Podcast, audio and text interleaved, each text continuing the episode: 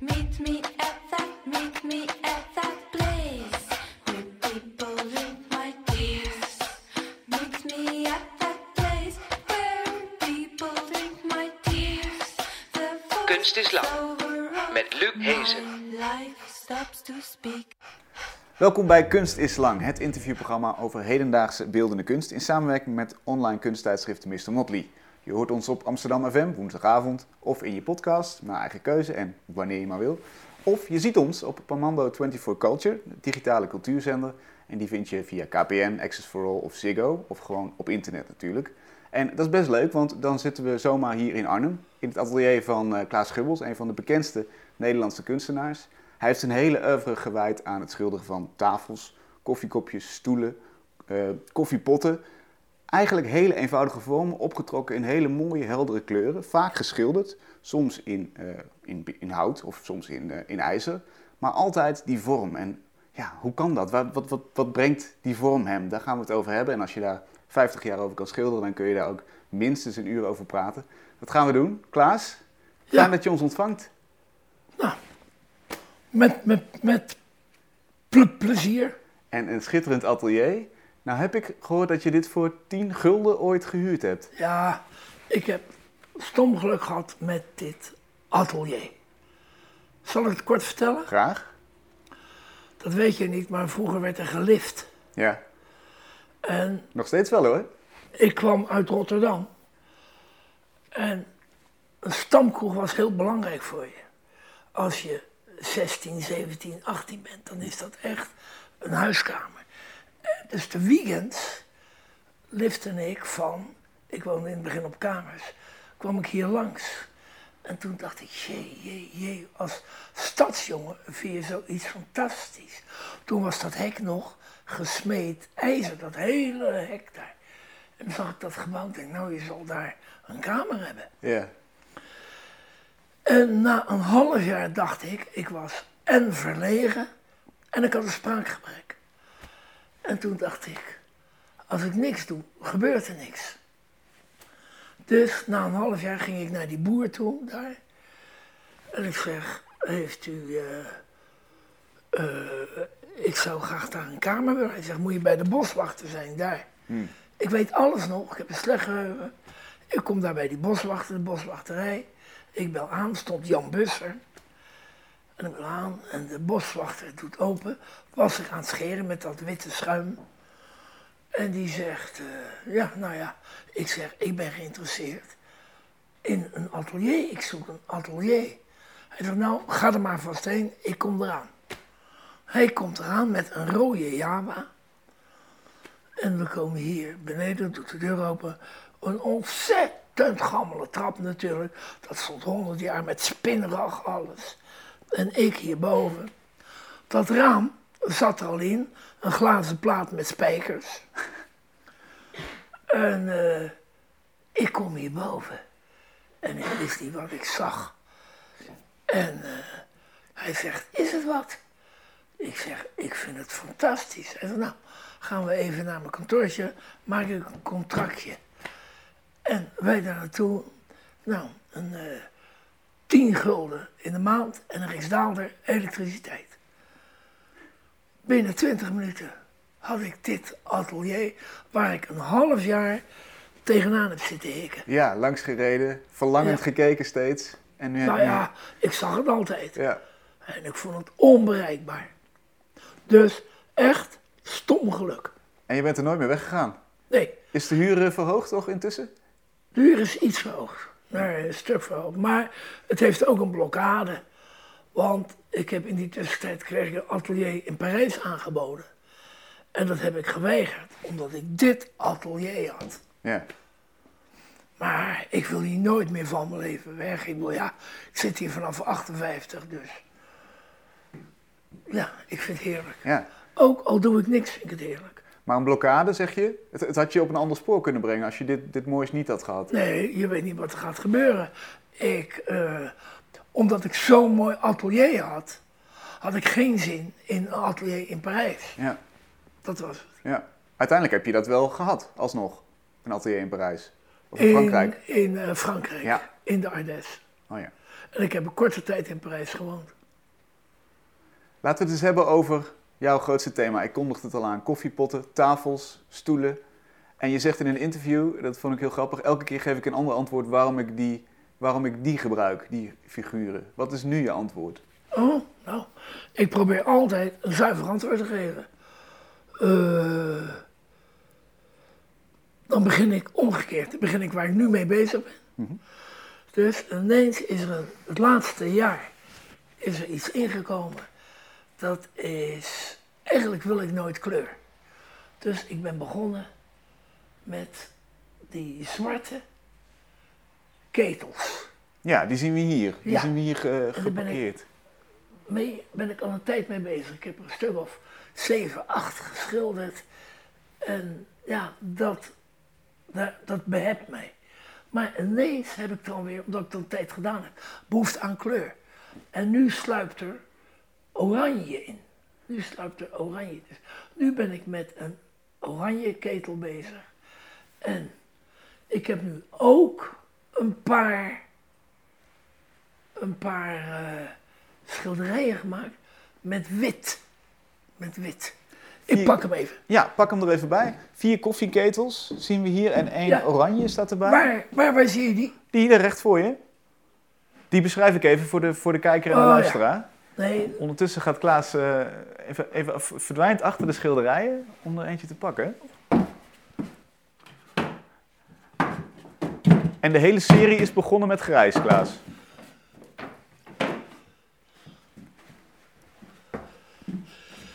Ja, er, er staan natuurlijk heel veel eh, verschillende schilderijen. Ah, kijk, daar komt Klaas weer terug. Wurmt zich tussen de schilderijen door. Kijk, en als reactie, ik reageer altijd op mijn eigen schilderijen, zijn ze plotseling wit geworden. Ja, dus we, hebben, we zien één koffieketel helemaal het midden in het oranje. In de, Ja. in de kenmerkende vorm die we van jou kennen. Met een mooie krullende tuit eraan. En daaromheen vier witte Ja. koffieketels. Ja. Dus, Maar dan was eigenlijk mijn vraag, waarom die vormen? Waarom die koffieketel? nou, eh, ik kwam uit Rotterdam en ik had, eh, ja, je bent eh, wild. Satkin had een beeld gemaakt voor, en ik ben ook bezig met wilde figuren, dacht ik. Dus ik kom op de academie, moet ik ineens stilleventjes maken. Moest ik naar het stillevenhok. En daar moet je dan potjes, een tafeltje pakken en dan zet je stilleven op en moet je stillevens schilderen. Ja. En, en dan had je zo'n van die ouderwetse lelijke koffiepotten. En die moest ik schilderen. En nadat ik dat een paar keer gedaan heb, ga je er iets van proberen te maken. Zo, en eh, eh, eh, mijn leraar zei, kijk maar eens naar Morandi. Nou ja, eerlijk gezegd, vond ik toen geen reet aan. Vond ik toen niet, niet veel aan. ja. Maar ik vind het later een fantastische schilder. Omschrijf zijn werk eens voor de mensen die hem niet kennen. Oh, heel gewoon. Heel gewoon, niks bijzonders. Eh, saaie kleurtjes, wat ik ook veel gebruik. Saaie kleuren. En van die saaiheid dan iets proberen te maken. Dat had hij ook. Ik weet niet of dat zijn uitgangspunt was. Ja. Maar hoe langer ik zijn werk ken, hoe interessanter ik het vond. En wat is dat iets dan? Want ik snap dat, je, dat het een simpele vorm is. Weinig aan in principe. Hè? Je had er Nou, ook geen zin in. Maar je maakt er iets van. Wat is dat dan? Eh, nou ja, van niets iets maken. Wat het ook is. Een luciferdoosje, het kan me niet schelen wat. Ik probeer altijd. Dus van het burgerlijke ook kijken of ik het zo burgerlijk kan maken dat het iets wordt. En dat heeft er mee te maken. En toen moest ik die stilleventjes maken. Van Fred Sieger, ik noem hem even. Was een goede leraar. De docent, ja. In mijn catalogus had ik geschreven, ondanks vijf jaar academie voel ik me autodidact. Daar was hij een beetje beledigd over. Begrijpelijk, toch wel? En eh, Was het als Toen- belediging bedoeld ook? Of? nee, nee, niet. Ik dacht, dat begrijpt hij wel. En dat tafeltje heb je dan deze stillevens op. En als je dat een paar keer gedaan hebt, dan probeer je er iets mee te doen. Dus ik probeerde, ik vond het makkelijk om een tafel te maken met stillevenspullen. En ik heb geprobeerd steeds iets eraf te halen, steeds iets eraf. Totdat ik alleen de tafel overbleef. En toen heb ik een hele periode gehad dat ik alleen tafels schilderde waar niets op staat. Probeerde ik van die tafel iets te maken. En later ben ik weer een serie begonnen met tafelzitters. Zitsters en zitters. Dus die, dat is later weer gekomen. En dat is en later weer een koffiekan erop. En toen is langzamerhand is die koffiekan weer gaan overheersen. En daar probeer je van die koffiekan weer iets te maken. En hoe doe je dat? Wat, wat maak je daarvan? Want de koffiekan was het al, maar wat maak je, wat voeg je toe? Nou, je eigen vorm. Ik, ik heb nooit van mijn leven eh, een koffiekan eh, echt proberen na, na te schilderen. Dus je maakt uit je hoofd je eigen vorm, dat die voor jou interessant is. Ja, oké. En nou ben ik met die platte koffiekannen bezig hier. Wat je hier ziet. En ik ben er heel blij mee. Alleen, ja, hoe gaat dat verder? En daar ben ik nu mee aan, aan de gang. Dus kunnen we dan zeggen dat ehm, de koffiekan eigenlijk, de- dat is zo banaal dat het al heel snel niet meer over de koffiekan gaat, maar over de vormen en over Ja. hoe het gemaakt is. Ik zie het niet als een koffiekan. Ik zie het als een vorm. Juist. Ja. Dus het is eigenlijk een vehikel om, om de vorm te laten zien. Ja, ja. Ik heb ook een eh, beeld gemaakt. En dat is, ja, dat moet ik vertellen. Vertel het. Kan ik, ja, moet ik even halen. Kijk, dit is, dit tekeningetje had ik. En Rudy Fuchs. Het is een soort komt- standbeeld van allerlei koffiepotten opeengestapeld. Ja, Tot een toren. Rudy Fuchs had mij gevraagd of ik mee wilde doen voor Art Zuid Een, beelden, beeldenroute in eh, Amsterdam. in. Amsterdam. Ja. Hij zit daar, ik weet het nog. Ik zeg, ja, dit heb ik. Ik zeg maar, oh, hij vond dat interessant. Hij zei, "Nou, maak hier een beeld van. Ik denk, hoe moet ik hier nou een beeld van maken? Ja. En ja, hoe het mogelijk is, weet ik niet. Hij, zit, hij zegt, Klaas, kijk, heel makkelijk. Heel makkelijk, zo. Je hebt een vinger, zet je die vinger op, zet je die vinger op, die, zo. En dan heb je een beeld. En nou ga ik het halen.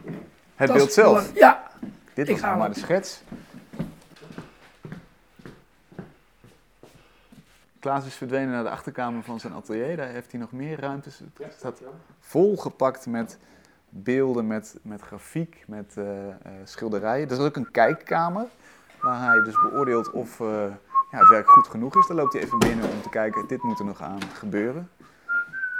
En het, eh, de schets voor het werk wat hij nu gaat, gaat laten zien is inderdaad een sokkel met acht koffiepotten die eigenlijk tot een soort van, eh, ja, een soort van toren gebouwd zijn. Ondertussen hoor je, hoor je het gefluit van, eh, van Klaas in zijn achterkamer. Heb je dit kunnen vinden, Klaas? nee, ik heb ja, ik heb het. Ik heb het. Precies zoals ik wilde. Ik heb geen concessie eraan hoeven doen. En het gaat jou in dit geval ook weer om die vorm. Dus het is een totaal ander Ja. materiaal, maar het gaat je Ja. om de lijnen en de volumes. Dit is totaal verbeeld, driedimensionaal. Wat ik eigenlijk zou willen. Nog mooier dan ik had gedacht. En dat stond zes meter hoog in Amsterdam. Op het Marnixplein, hoe heet het nou? Dat, dat plein? Ergens in Zuid. In Zuid. Ja. Ja, ik heb de straat. Waanzinnig. Hey, nou, nou, nou eh, laten we deze weer, weer van tafel eh, halen. Jij zei, ik heb super saaie stillevens gemaakt. Dat is je, Ja. je laatste reeks. Het gewone heeft mij altijd geraakt, zeg jij dan. Nou, mijn Waarom? laatste reeks, dat is een vorige reeks weer. Ik heb steeds ben ik altijd bezig met reeksen. Ik ben een Calvinist en dan diep ik dat tot het uiterste uit. Ja. Dus die saaie reeks buit ik uit. Nou, daar heb ik er een stuk of 15 tot 20 van gemaakt. En dan heb ik dat, heb ik dat gedaan.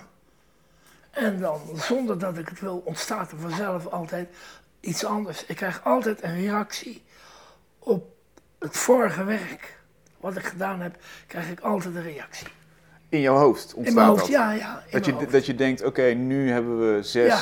grijze koffiepotten, er moet kleur bij. Ja, Dat, eh, is dat heel subtiel? Gaat dat? ja Hoe nou, wat werkt ik dat? net, net vertelde. Ja. Dus eh, dat saaie grijs is dat oranje geslopen. En op het laatst dus dat wit. Maar dat erin geslopen, dat, hoe, hoe gebeurt dat? Want je hebt er vijf in het grijs staan, er is, is er misschien nog één open. Dan denk je, verdomd, hier moet kleur in. Nee, dat, eh, nee, dat gebeurt echt intuïtief. Hmm. Intuïtief beredeneerd, noem ik het maar. Dat is een mooie tegenstelling. Intuïtief beredeneerd. Nou, ik voel dat dat moet. Ja. Dus daar heb ik toch ergens beredeneerd ik dat daar wit in moet. En doe je dat door te kijken naar het doek of, of door te kijken naar je palet en, en te denken, hé, hey, hier mist nog iets? Nee, niet naar palet. Dat krijg ik door het doek en door de schilderijen die hier staan. Ja, En eh, ja, en toen dat oranje is, er was vorige week iemand op mijn atelier die wou per se dat doek kopen. Maar ik wil dat, daar ben ik mee bezig, met dat idee. Ik wil dat doek per se niet kwijt, want ik heb dat nog nodig om de andere schilderijen te maken. Dus mijn eigen doeken inspireren mij om door te gaan. wonderlijk eigenlijk. Een, een, een Ja, voor mij gewoon. Ja, maar, maar een interessante manier van werken. Dus je, je, Ja, ik vermoed dat iedereen dat heeft, maar ja. Vol- hoe, hoe zie je dat, hoe, hoe die kunst ontstaat? Ben je, ben je daar heel bewust mee bezig? Of, of Nee, is- komt, nooit. dat, Nee. komt dat ergens... Ik ga naar mijn atelier. Ik wil altijd om tien uur op mijn atelier zijn. Oké. Ben ik om tien uur. Maar dan zeg ik niet dat ik werk.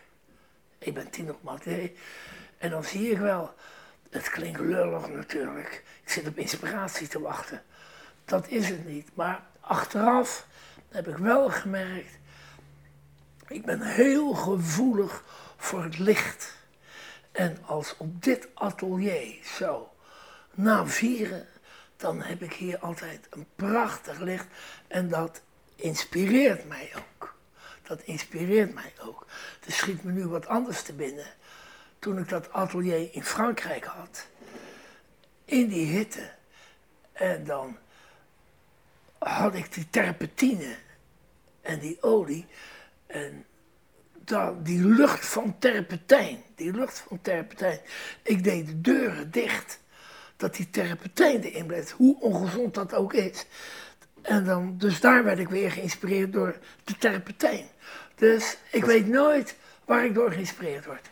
Precies. En die, die, die terpentijnlucht die bracht bij jou associaties? Die, ja, dan kon ik weer werken. Wauw. En ehm, dat, kun je dus, dat kun je dus in zekere zin opwekken. Of jij weet inmiddels waar dat vandaan komt. Dat, dat licht is het. Ja, nee, ik kan het niet van tevoren doen. Die terpentijn wel. Ja. Want dan rook ik en vond ik heerlijk. En deed ik de deuren stijf dicht. En alles. Dat die lucht erin bleef hangen. ja. Wat, wat is jouw werkritme? Je zegt half tien ben ik hier. Elke nee, dag? tien uur. Tien uur? Om tien uur wil ik hier zijn. Ja. En dan ben ik hier. En dan weet ik niet wat ik ga doen. Ik heb zo'n zwaar beroep. Dus ik begin met een partijtje patience om te ontspannen. Oké.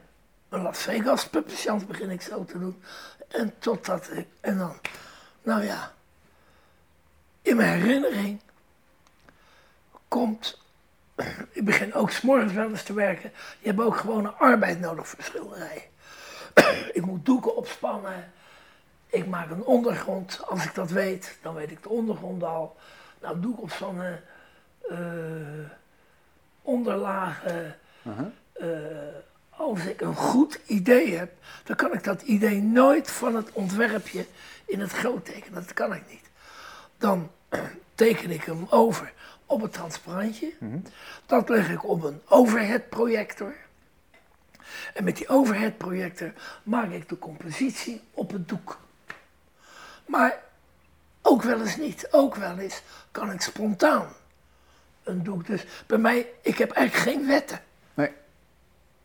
Elke dag zit je hier El- elke dag zit ik hier vanaf tien uur tot... tot, tot rond vijf, half zes. Ja, elk mens eet om zes uur, dus zorg dat ik dan om zes uur thuis ben. Ja. Heel regelmatig. Eigenlijk net zo regelmatig als, als het onderwerp. Daarom het gewone, het saaie, dat zit er in mijn aard. Dat zit ook in jouw leven dus. Ja, Waarom? Weet je dat? daarom. Nee, ik zit nou te denken, waarom? Ja, het gaat vanzelf. Het gaat vanzelf. En niks, en de ene dag is toch weer anders dan de andere dag. Dus het zijn geen vaste patronen wat ik kan vertellen. Dan weer zo en dan weer zo. Dus Ik kan me ook voorstellen dat, dat als alles hetzelfde blijft, het geraamte van een dag hetzelfde blijft, dat, dat dan kleinere dingen gaan opvallen, kleinere verschillen belangrijker worden. Nou, dat heb ik altijd gehad. Heb ik altijd gehad. Ik ben een mierenneuker van de allerergste soort.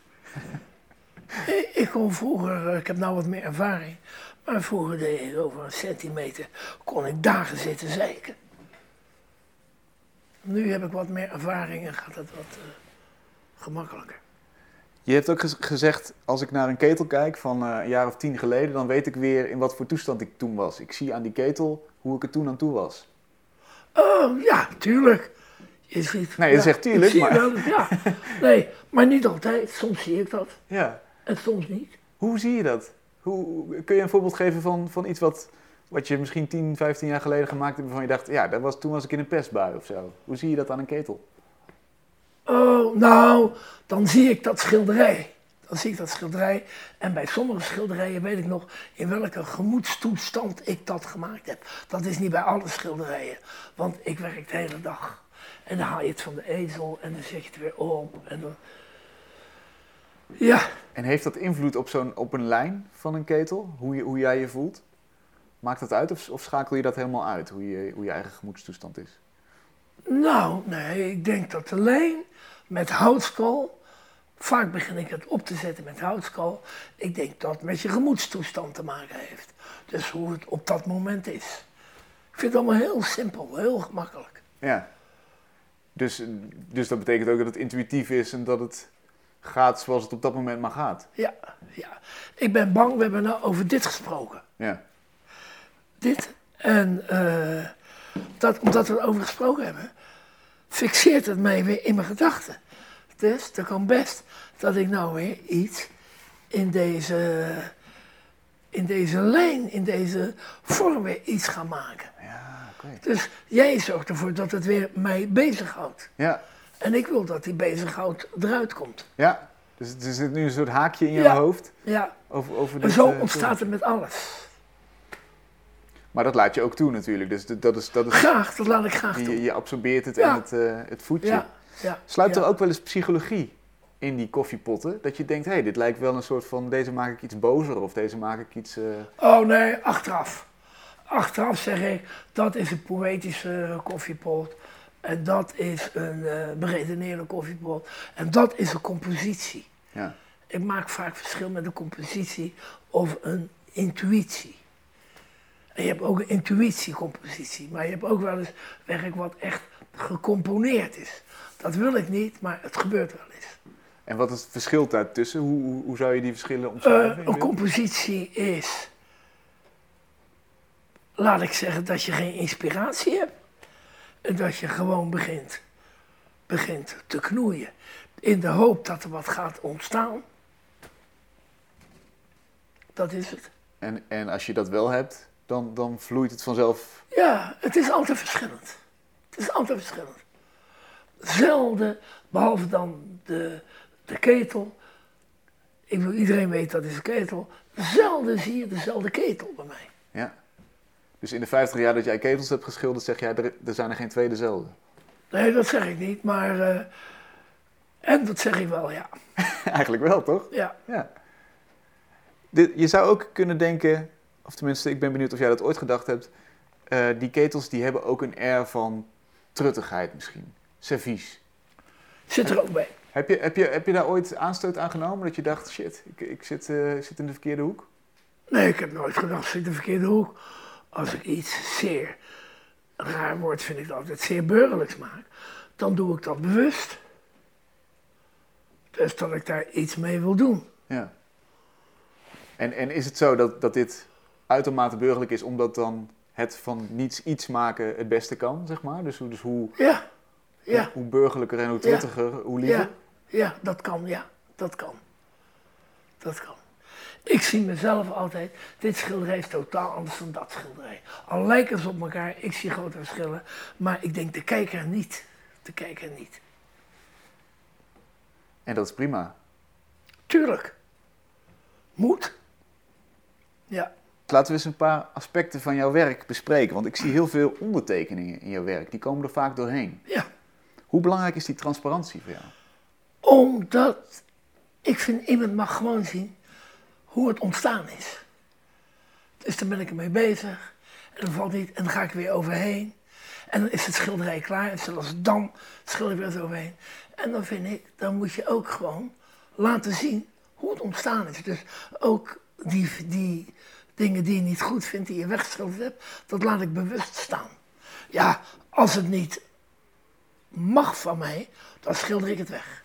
Wanneer mag het wel en wanneer mag het niet? Ja, dat weet ik eh, ter plekke. Oh ja.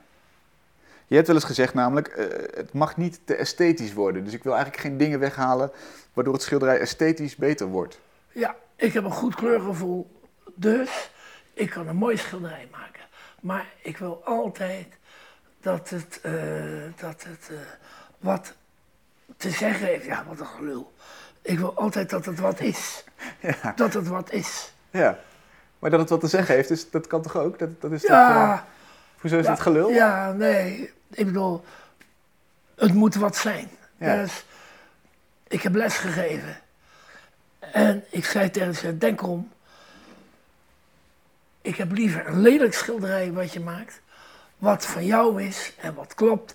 Dan dat je een heel mooi esthetisch schilderij maakt. Wat niets te ja, vertellen heeft. Dus, ja. En zo denk ik. Oh, ja, zo. Ja. En wat, wat iets te vertellen heeft, is natuurlijk een heel ongrijpbaar eh, element eigenlijk. Maar wel interessant. Want wanneer, wa- wanneer is een schilderij dan goed? Wanneer is een ondertekening, het iets toe en dat, wanneer niet? Ja, ja, maar dat zie ik. Dat zie ik. En iemand die geïnteresseerd is in mijn werk, die ziet dat ook. Ja. Maar die denkt toch weer anders dan ik, want waarom kiest hij dat schilderij en dat niet? Dus dat maak ik ook mee. Ja. Heb jij, ehm, je zei net, ik heb weinig regels. Maar één zo'n regel is dus wel dat je soms hulplijnen of, of eerdere tekeningen niet mag verwijderen. Ja, ja. Ik Daar heb hou je jezelf vaak, wel aan. ik heb zelfs zo sterk, dat ik heb wel eens gehad iets wat echt stoorde. En dat moest voor mij erin blijven. Dat moest erin blijven. Waarom? Omdat dat bij de, je moet consequent zijn. Je moet, eh, het moet kloppen in de te- tekening. Kijk, een mooi schilderij maken is geen moeran. Maar dat het, eh, je moet iets te, ja, iets te vertellen. Dat vind ik ook zo'n rare opmerking. Het moet iets zijn. Heeft een, heeft een imperfectie meer waarde dan, een, dan, een, dan, dan iets moois, iets perfects? Zeg de zin nog eens. I- Iets wat imperfect is, heeft dat meer waarde voor jou dan iets wat glad is, wat mooi is, Oh, wat nee, is? het kan zelfs zijn. Ik kan zelfs ook een heel mooi schilderij maken, prachtig van kleur, wat ook zeggingskracht heeft Ja. en wat alleen maar esthetisch is. Dus, nee, daar moet ik, eh, moet ik zeggen, ik kan ook prachtig schilderij maken waar ik achter sta, Ja. wat zeggingskracht heeft. Vind je dat je werk steeds beter wordt? Nee, ik, je schilder uit je hebben en houden, dus je, ik schilder al zo lang. Ja, ik vind mezelf wel steeds een beter kunstenaar worden, maar volgens mij kan dat niet in de praktijk. Oh ja, bij Rembrandt. Daar zie Vond je, ik. dat zie je objectief dat hij Nee, steeds beter Rembrandt wordt. vond ik altijd, oh, die maakte ook op oudere leeftijd fantastische schilderijen. En waar zit hem dat in? Ja, hij wordt, ja, ja. Waar zit het in? Dat je altijd maar op scherp staat en altijd verder wil. En kijken of je nog beter kan doen dan het vorige. Dat had ik inderdaad. Nou begrijp ik je vraag pas. Dat had ik inderdaad met die grijs, lichtgrijzere schilderijen. Die saaie ketels met één kwast gemaakt, zo helemaal. Dat ik, ik dacht dat ik toen op weg was om het uiterste te bereiken. Voor mij. Ja. En is dat gelukt? Vind ik wel. Vind ik wel. En dat uiterste zit het dan binnen dat schilderij? Of zeg, je Ja, echt, binnen dat, eh, ja. of zeg je echt binnen mijn hele oeuvre is dat, is dat Ja, het dat vind ik op dat moment, ja. Ja. Maar ik ben wel blij. Nou draai ik even om. Toen ik dat schilderij gemaakt heb, We zien, Dit. een, eh, we zien twee roze stoelen en een, een tafeltje en een koffiepot, theepot toen erop. vond ik dat het allermooiste wat ik ooit gemaakt had. Dat weet ik nog. Ik noem dat de titel is Het Vijfde Wereldwonder. Zo mooi vond ik het. Ja. En toen kwam ik thuis en ik hang het op. En mijn vrouw was het daar niet mee eens. Maar ik vind het nog steeds. Ik vind dat in die periode het mooiste wat ik ooit gemaakt heb. De vorm van de kannetjes, de vorm van de theepot. Het is zo puur geschilderd, zonder, zonder enige estheticiteit. Dat schilderij. Dus de puurheid ervan is, is heel belangrijk. Dat is een belangrijk karakter. Ja, ja een ander woord, ik hoor liever een ander woord voor puur, maar ja. Vertel, welk woord? Nou, eh, dat er eigenlijk op het doek is gekomen wat ik wil. En, en is dit een afbeelding die jij dan ook in je hoofd hebt? Nee, dat ontstaat. Dat ontstaat. Ja, ik denk dat je het vagelijk in je hoofd hebt. Hmm. En toen dat was, dit heb ik pas uit mijn huis hier naartoe genomen. Want ik ben de enige eigenlijk die dat schilderij het allermooiste vindt. Je vrouw wilde er niet meer tegenaan kijken. nou, zij vond het niet. En waarom vond zij, dat, vond zij het niet mooi? Ja, maar dat interesseert me dan ook niet. Ik ben zo met schilderen zo egocentrisch, ik ben met mijn eigen werk bezig en ik bepaal of dat goed is, ja of nee. En dat is het. Voor mij ja. Je bent eigenlijk omringd hier met je eigen werk. Eh, over- Overal waar we kijken, eh, koffiepotten, tafels. Zie je die nog als die objecten of, of zie je alleen maar techniek en wat het geworden is? Ik zie wat het geworden is. Ik zie wat het geworden is. En soms zie ik ook nog waar, wanneer het ontstaan is. En in welke periode van die sessie. Dat, wel, want dat zie ik wel. Dat was de reden ook dat ik dat ene schilderij met die oranje kan niet wil verkopen. Dat heb ik nog nodig voor de verdere ontwikkeling. Ja. Ben je eigenlijk bezig met de, de huidige kunstwereld? Nee, dat heb ik nooit gehad. Jonge kunstenaars waar die zich mee, mee bezighouden? Ja, dat wel. Ik kijk natuurlijk naar collega's. Ja. Het is een heel raar argument. Ik ben Rotterdammer, dus ik hou van Willem de Koning. Ik was bezeten van Willem de Koning. En eh, toen, ik dat, toen heb ik ook een paar schilderijen gemaakt in zijn trant, een beetje. Dat dat kon. En ik denk dat dat ook Rotterdams is. Hoe bedoel je? Leg eens uit. Willem de Koning komt uit Rotterdam. Zeker, maar wat, is het Rotterdamse aspect daaraan? Oh, dat is dat, eh, dat directe, dat gewone. Niet lullen, maar poetsen. Nou ja, dat is een naar woord, maar zoiets. Nee, hij schildert echt als een pure. Ja, Geen opsmuk. ja. Ehm, ik, ik vraag het ook een beetje omdat wij een hedendaags kunstprogramma zijn. En nou ja, jonge kunstenaars die Ja. hebben het misschien moeilijker dan in jouw tijd. Of, of hoe, hoe kijk je daar tegenaan? Er is fors bezuinigd op de kunst. De schilderkunst is al do- doodverklaard. Eh, hoe, hoe, hoe hebben jonge kunstenaars het, naar jouw beeld? ja. Ik dacht dat het niet onaardig ging. Ik dacht, eh, nou laat ik het anders zeggen. Vroeger had je in Nederland, dus toen ik begon, toen was ik aardig bekend, want toen had je 100 kunstenaars. Zo, nu heb je er 3000. Dus in het aantal zullen ze het moeilijk hebben om aan de bak te komen. Ik heb altijd geluk gehad dat ik gelijk al eh, een goede galerie had. In Arnhem begon dat met Galerie 20. Die ging naar Amsterdam, die hield ermee op. Toen kwam ik bij Galerie Espace. Met Jan Roeland. En Tajiri. En Karel Appel hadden ze. En daar voelde ik me thuis. En ja, dat klikte. Je moet dus hopen dat je een galerie vindt die jou begrijpt en die jou graag wil hebben. Ja. En, en bijvoorbeeld eh, de hedendaagse eis of de vraag om je te verhouden tot, tot de maatschappij om je heen. Eh, hoe kijk je daarnaar? Van kunstenaars wordt eigenlijk gevraagd reageren op je omgeving. Maak ja, dingen die ja, nou, passen bij je mijn werk, ik maak geen werk. Ja, hoe moet je dat nou zeggen? Moet ik nou op je vraag antwoorden? Ik ben niet iemand die. eh, ik heb vroeger wel op de Koolsingel met een rode vlag gelopen. Ik was lid van de AEC en ik stem op de Partij van de Arbeid. En dus in die zin ben ik betrokken, maar niet in mijn werk. Dat staat helemaal los van Dat staat los ervan. de buitenwereld. Ja. Dus Ja. dat staat alleen in verbinding met jouw binnenwereld, met, met wat hier gebeurt. Ja, ja, ja.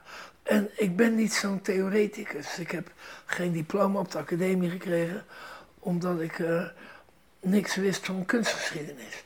Maar ik ben wel vroeg naar Florence gegaan om daar werken te bekijken. Dat, dat doe ik wel. En ik wilde die kerken kijken. Ik wilde die mozaïeken. Ik ben zelfs naar het huis van Morandi gegaan. Toen leefde die nog. Hm. En ik ben bij eh Peggy geweest. Toen het nog geen museum was, ging ik door een houten deurtje. Ging ik daar. eh, en toen dacht ik, ik zal wel whisky krijgen. En ik kreeg een kopje thee. Dat viel me tegen. Dat viel tegen. Ja. Eh, Klaas, als jij nu terugkijkt op je kunstenaarsleven, hoe zou je het dan samenvatten? Nou, ja. Ja. Ik had wat meer naar buiten willen treden. Eh, dyslectisch is een modewoord, maar ik had dus heel snel al exposities in Parijs. En dus ik kan wel schaken en ik heb niet de taalkant. Dus in die zin bedoel ik dyslectisch. Als ik in Parijs het zo zag, dan had ik de ziekte in als je dan daarna met zo'n galeriehouwer naar een restaurant moest eten. Ja. En toen ben ik daar gestopt met, eh met expositie. Ja. En dat doet, dat doet je werk geen goed. Het verloop van je carrière. Oh, dat heeft niks met je werk te maken. Nee, maar Nee, oh, met je carrière Ja. wel, ja. Ik denk, ik had meer uit mijn carrière als ik alles op alles had gezet om een taal te leren. Dan had ik meer uit mijn carrière kunnen halen. Ik weet nog goed, toen ik in New York kwam, ik kwam in New York, in de stad. Dacht, dat is de stad voor mij. Dat dacht ik gelijk, alles konden. maar zit daar ook weer de taal dwars? Of? Nee, dat is mijn handicap. Ik bedoel, eh, ik heb jammer genoeg de andere kant. Ik, ik heb die andere kant. Ja.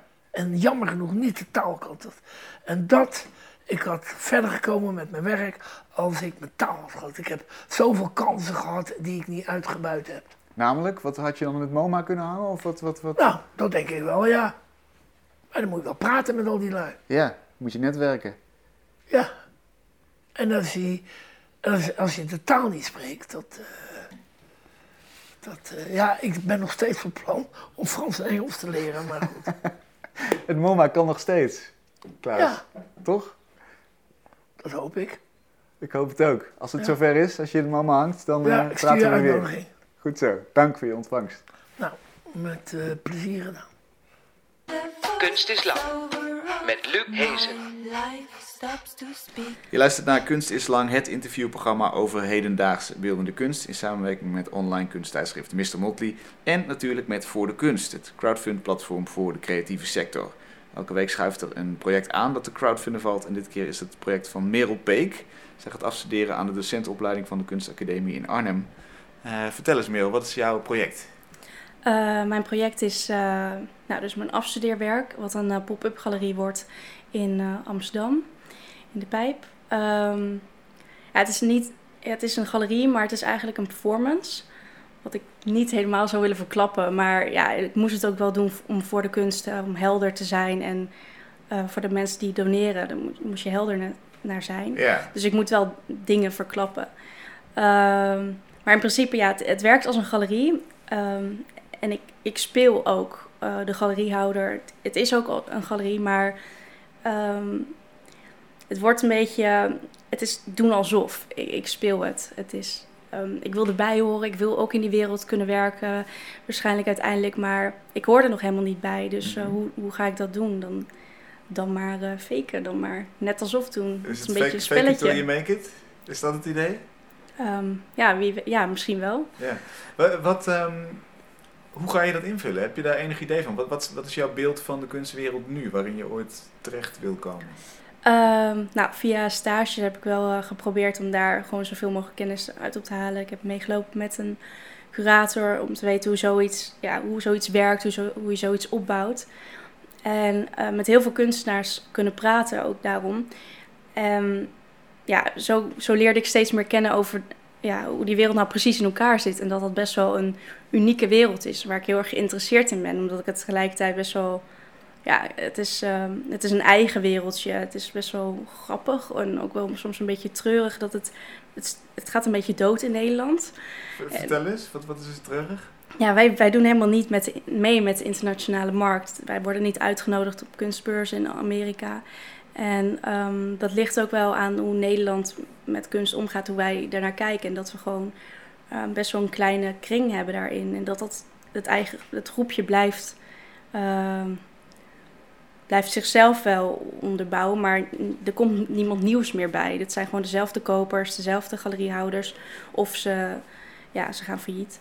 Maar ik vind dat er dus, er moet iets nieuws gebeuren, waardoor, er wel, waardoor we uiteindelijk wel bijvoorbeeld naar Amerika kunnen gaan. Of, of we daar dan precies heen moeten gaan, maar in ieder geval dat we internationaal eh, beter op de markt liggen en daardoor ook weer eh, meegaan met onze tijd en met, met een nieuwe generatie kunstenaars die bijvoorbeeld nu van mijn academie komt. Dus, dus er is te weinig vernieuwende kracht, zeg jij, in die kunstwereld. Ja, ik denk dat het een beetje stil ligt. Ik, ik denk dat er gewoon ehm, dat het tijd is om, om eh, ogen open te doen en te veranderen. En ik vind op zich wel dat ja, kun, galeries zijn elitair, durft de drempel niet over te gaan, je durft niet binnen te stappen. Mensen kijken je misschien een beetje streng aan. En ergens vind ik wel dat, dat kunst wel elitair hoort te zijn. En niet in de zin van dat het alleen maar voor een elitaire groep is, maar voor dat het iets unieks is en iets anders. En ehm, dat vind ik dat dat moet blijven. Maar ehm, we moeten er gewoon meer van gaan houden. Als Nederland eigenlijk. Iedereen. Hoe gaan, we dat, wat, eh, hoe gaan we dat doen? Hoe ga je dat ja, bereiken? Om het wel, het moet wel een beetje. ehm, Je moet er de humor van in kunnen zien. Het moet niet meer zo, het moet niet zo streng zijn. Het moet niet zo. Het gaat nu zoveel alleen maar over geld. Een kunstenaar is tegenwoordig een ondernemer. Je moet eh, jezelf financieren. Ik krijg daar les over. Hoe, hoe moet ik mezelf straks eh, financieren?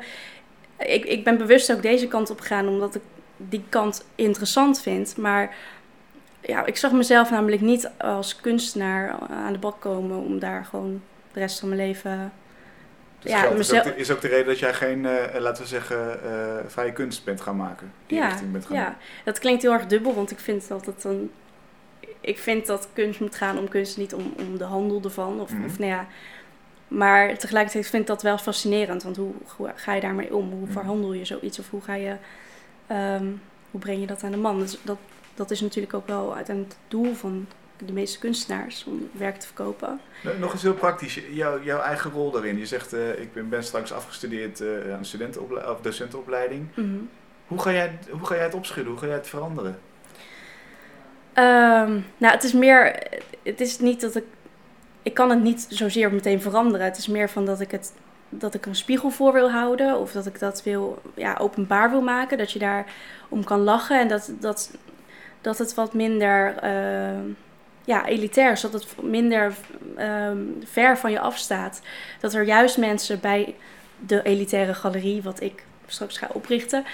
Wel mensen naar binnen stappen. En dat ze daar een heel ander soort ervaring eh, krijgen, een hele andere beleving daar krijgen. En dat het misschien daardoor makkelijker is om ook bij andere galeries eh, naar binnen te gaan en ja, die drempel over te stappen en dat het minder spannend wordt. En dat ze daardoor ook een ander breder publiek krijgen. Oké, dus je wordt een soort laagdrempelige kennismaking eigenlijk met, met de kunstwereld. Dat wordt de pop-up galerie.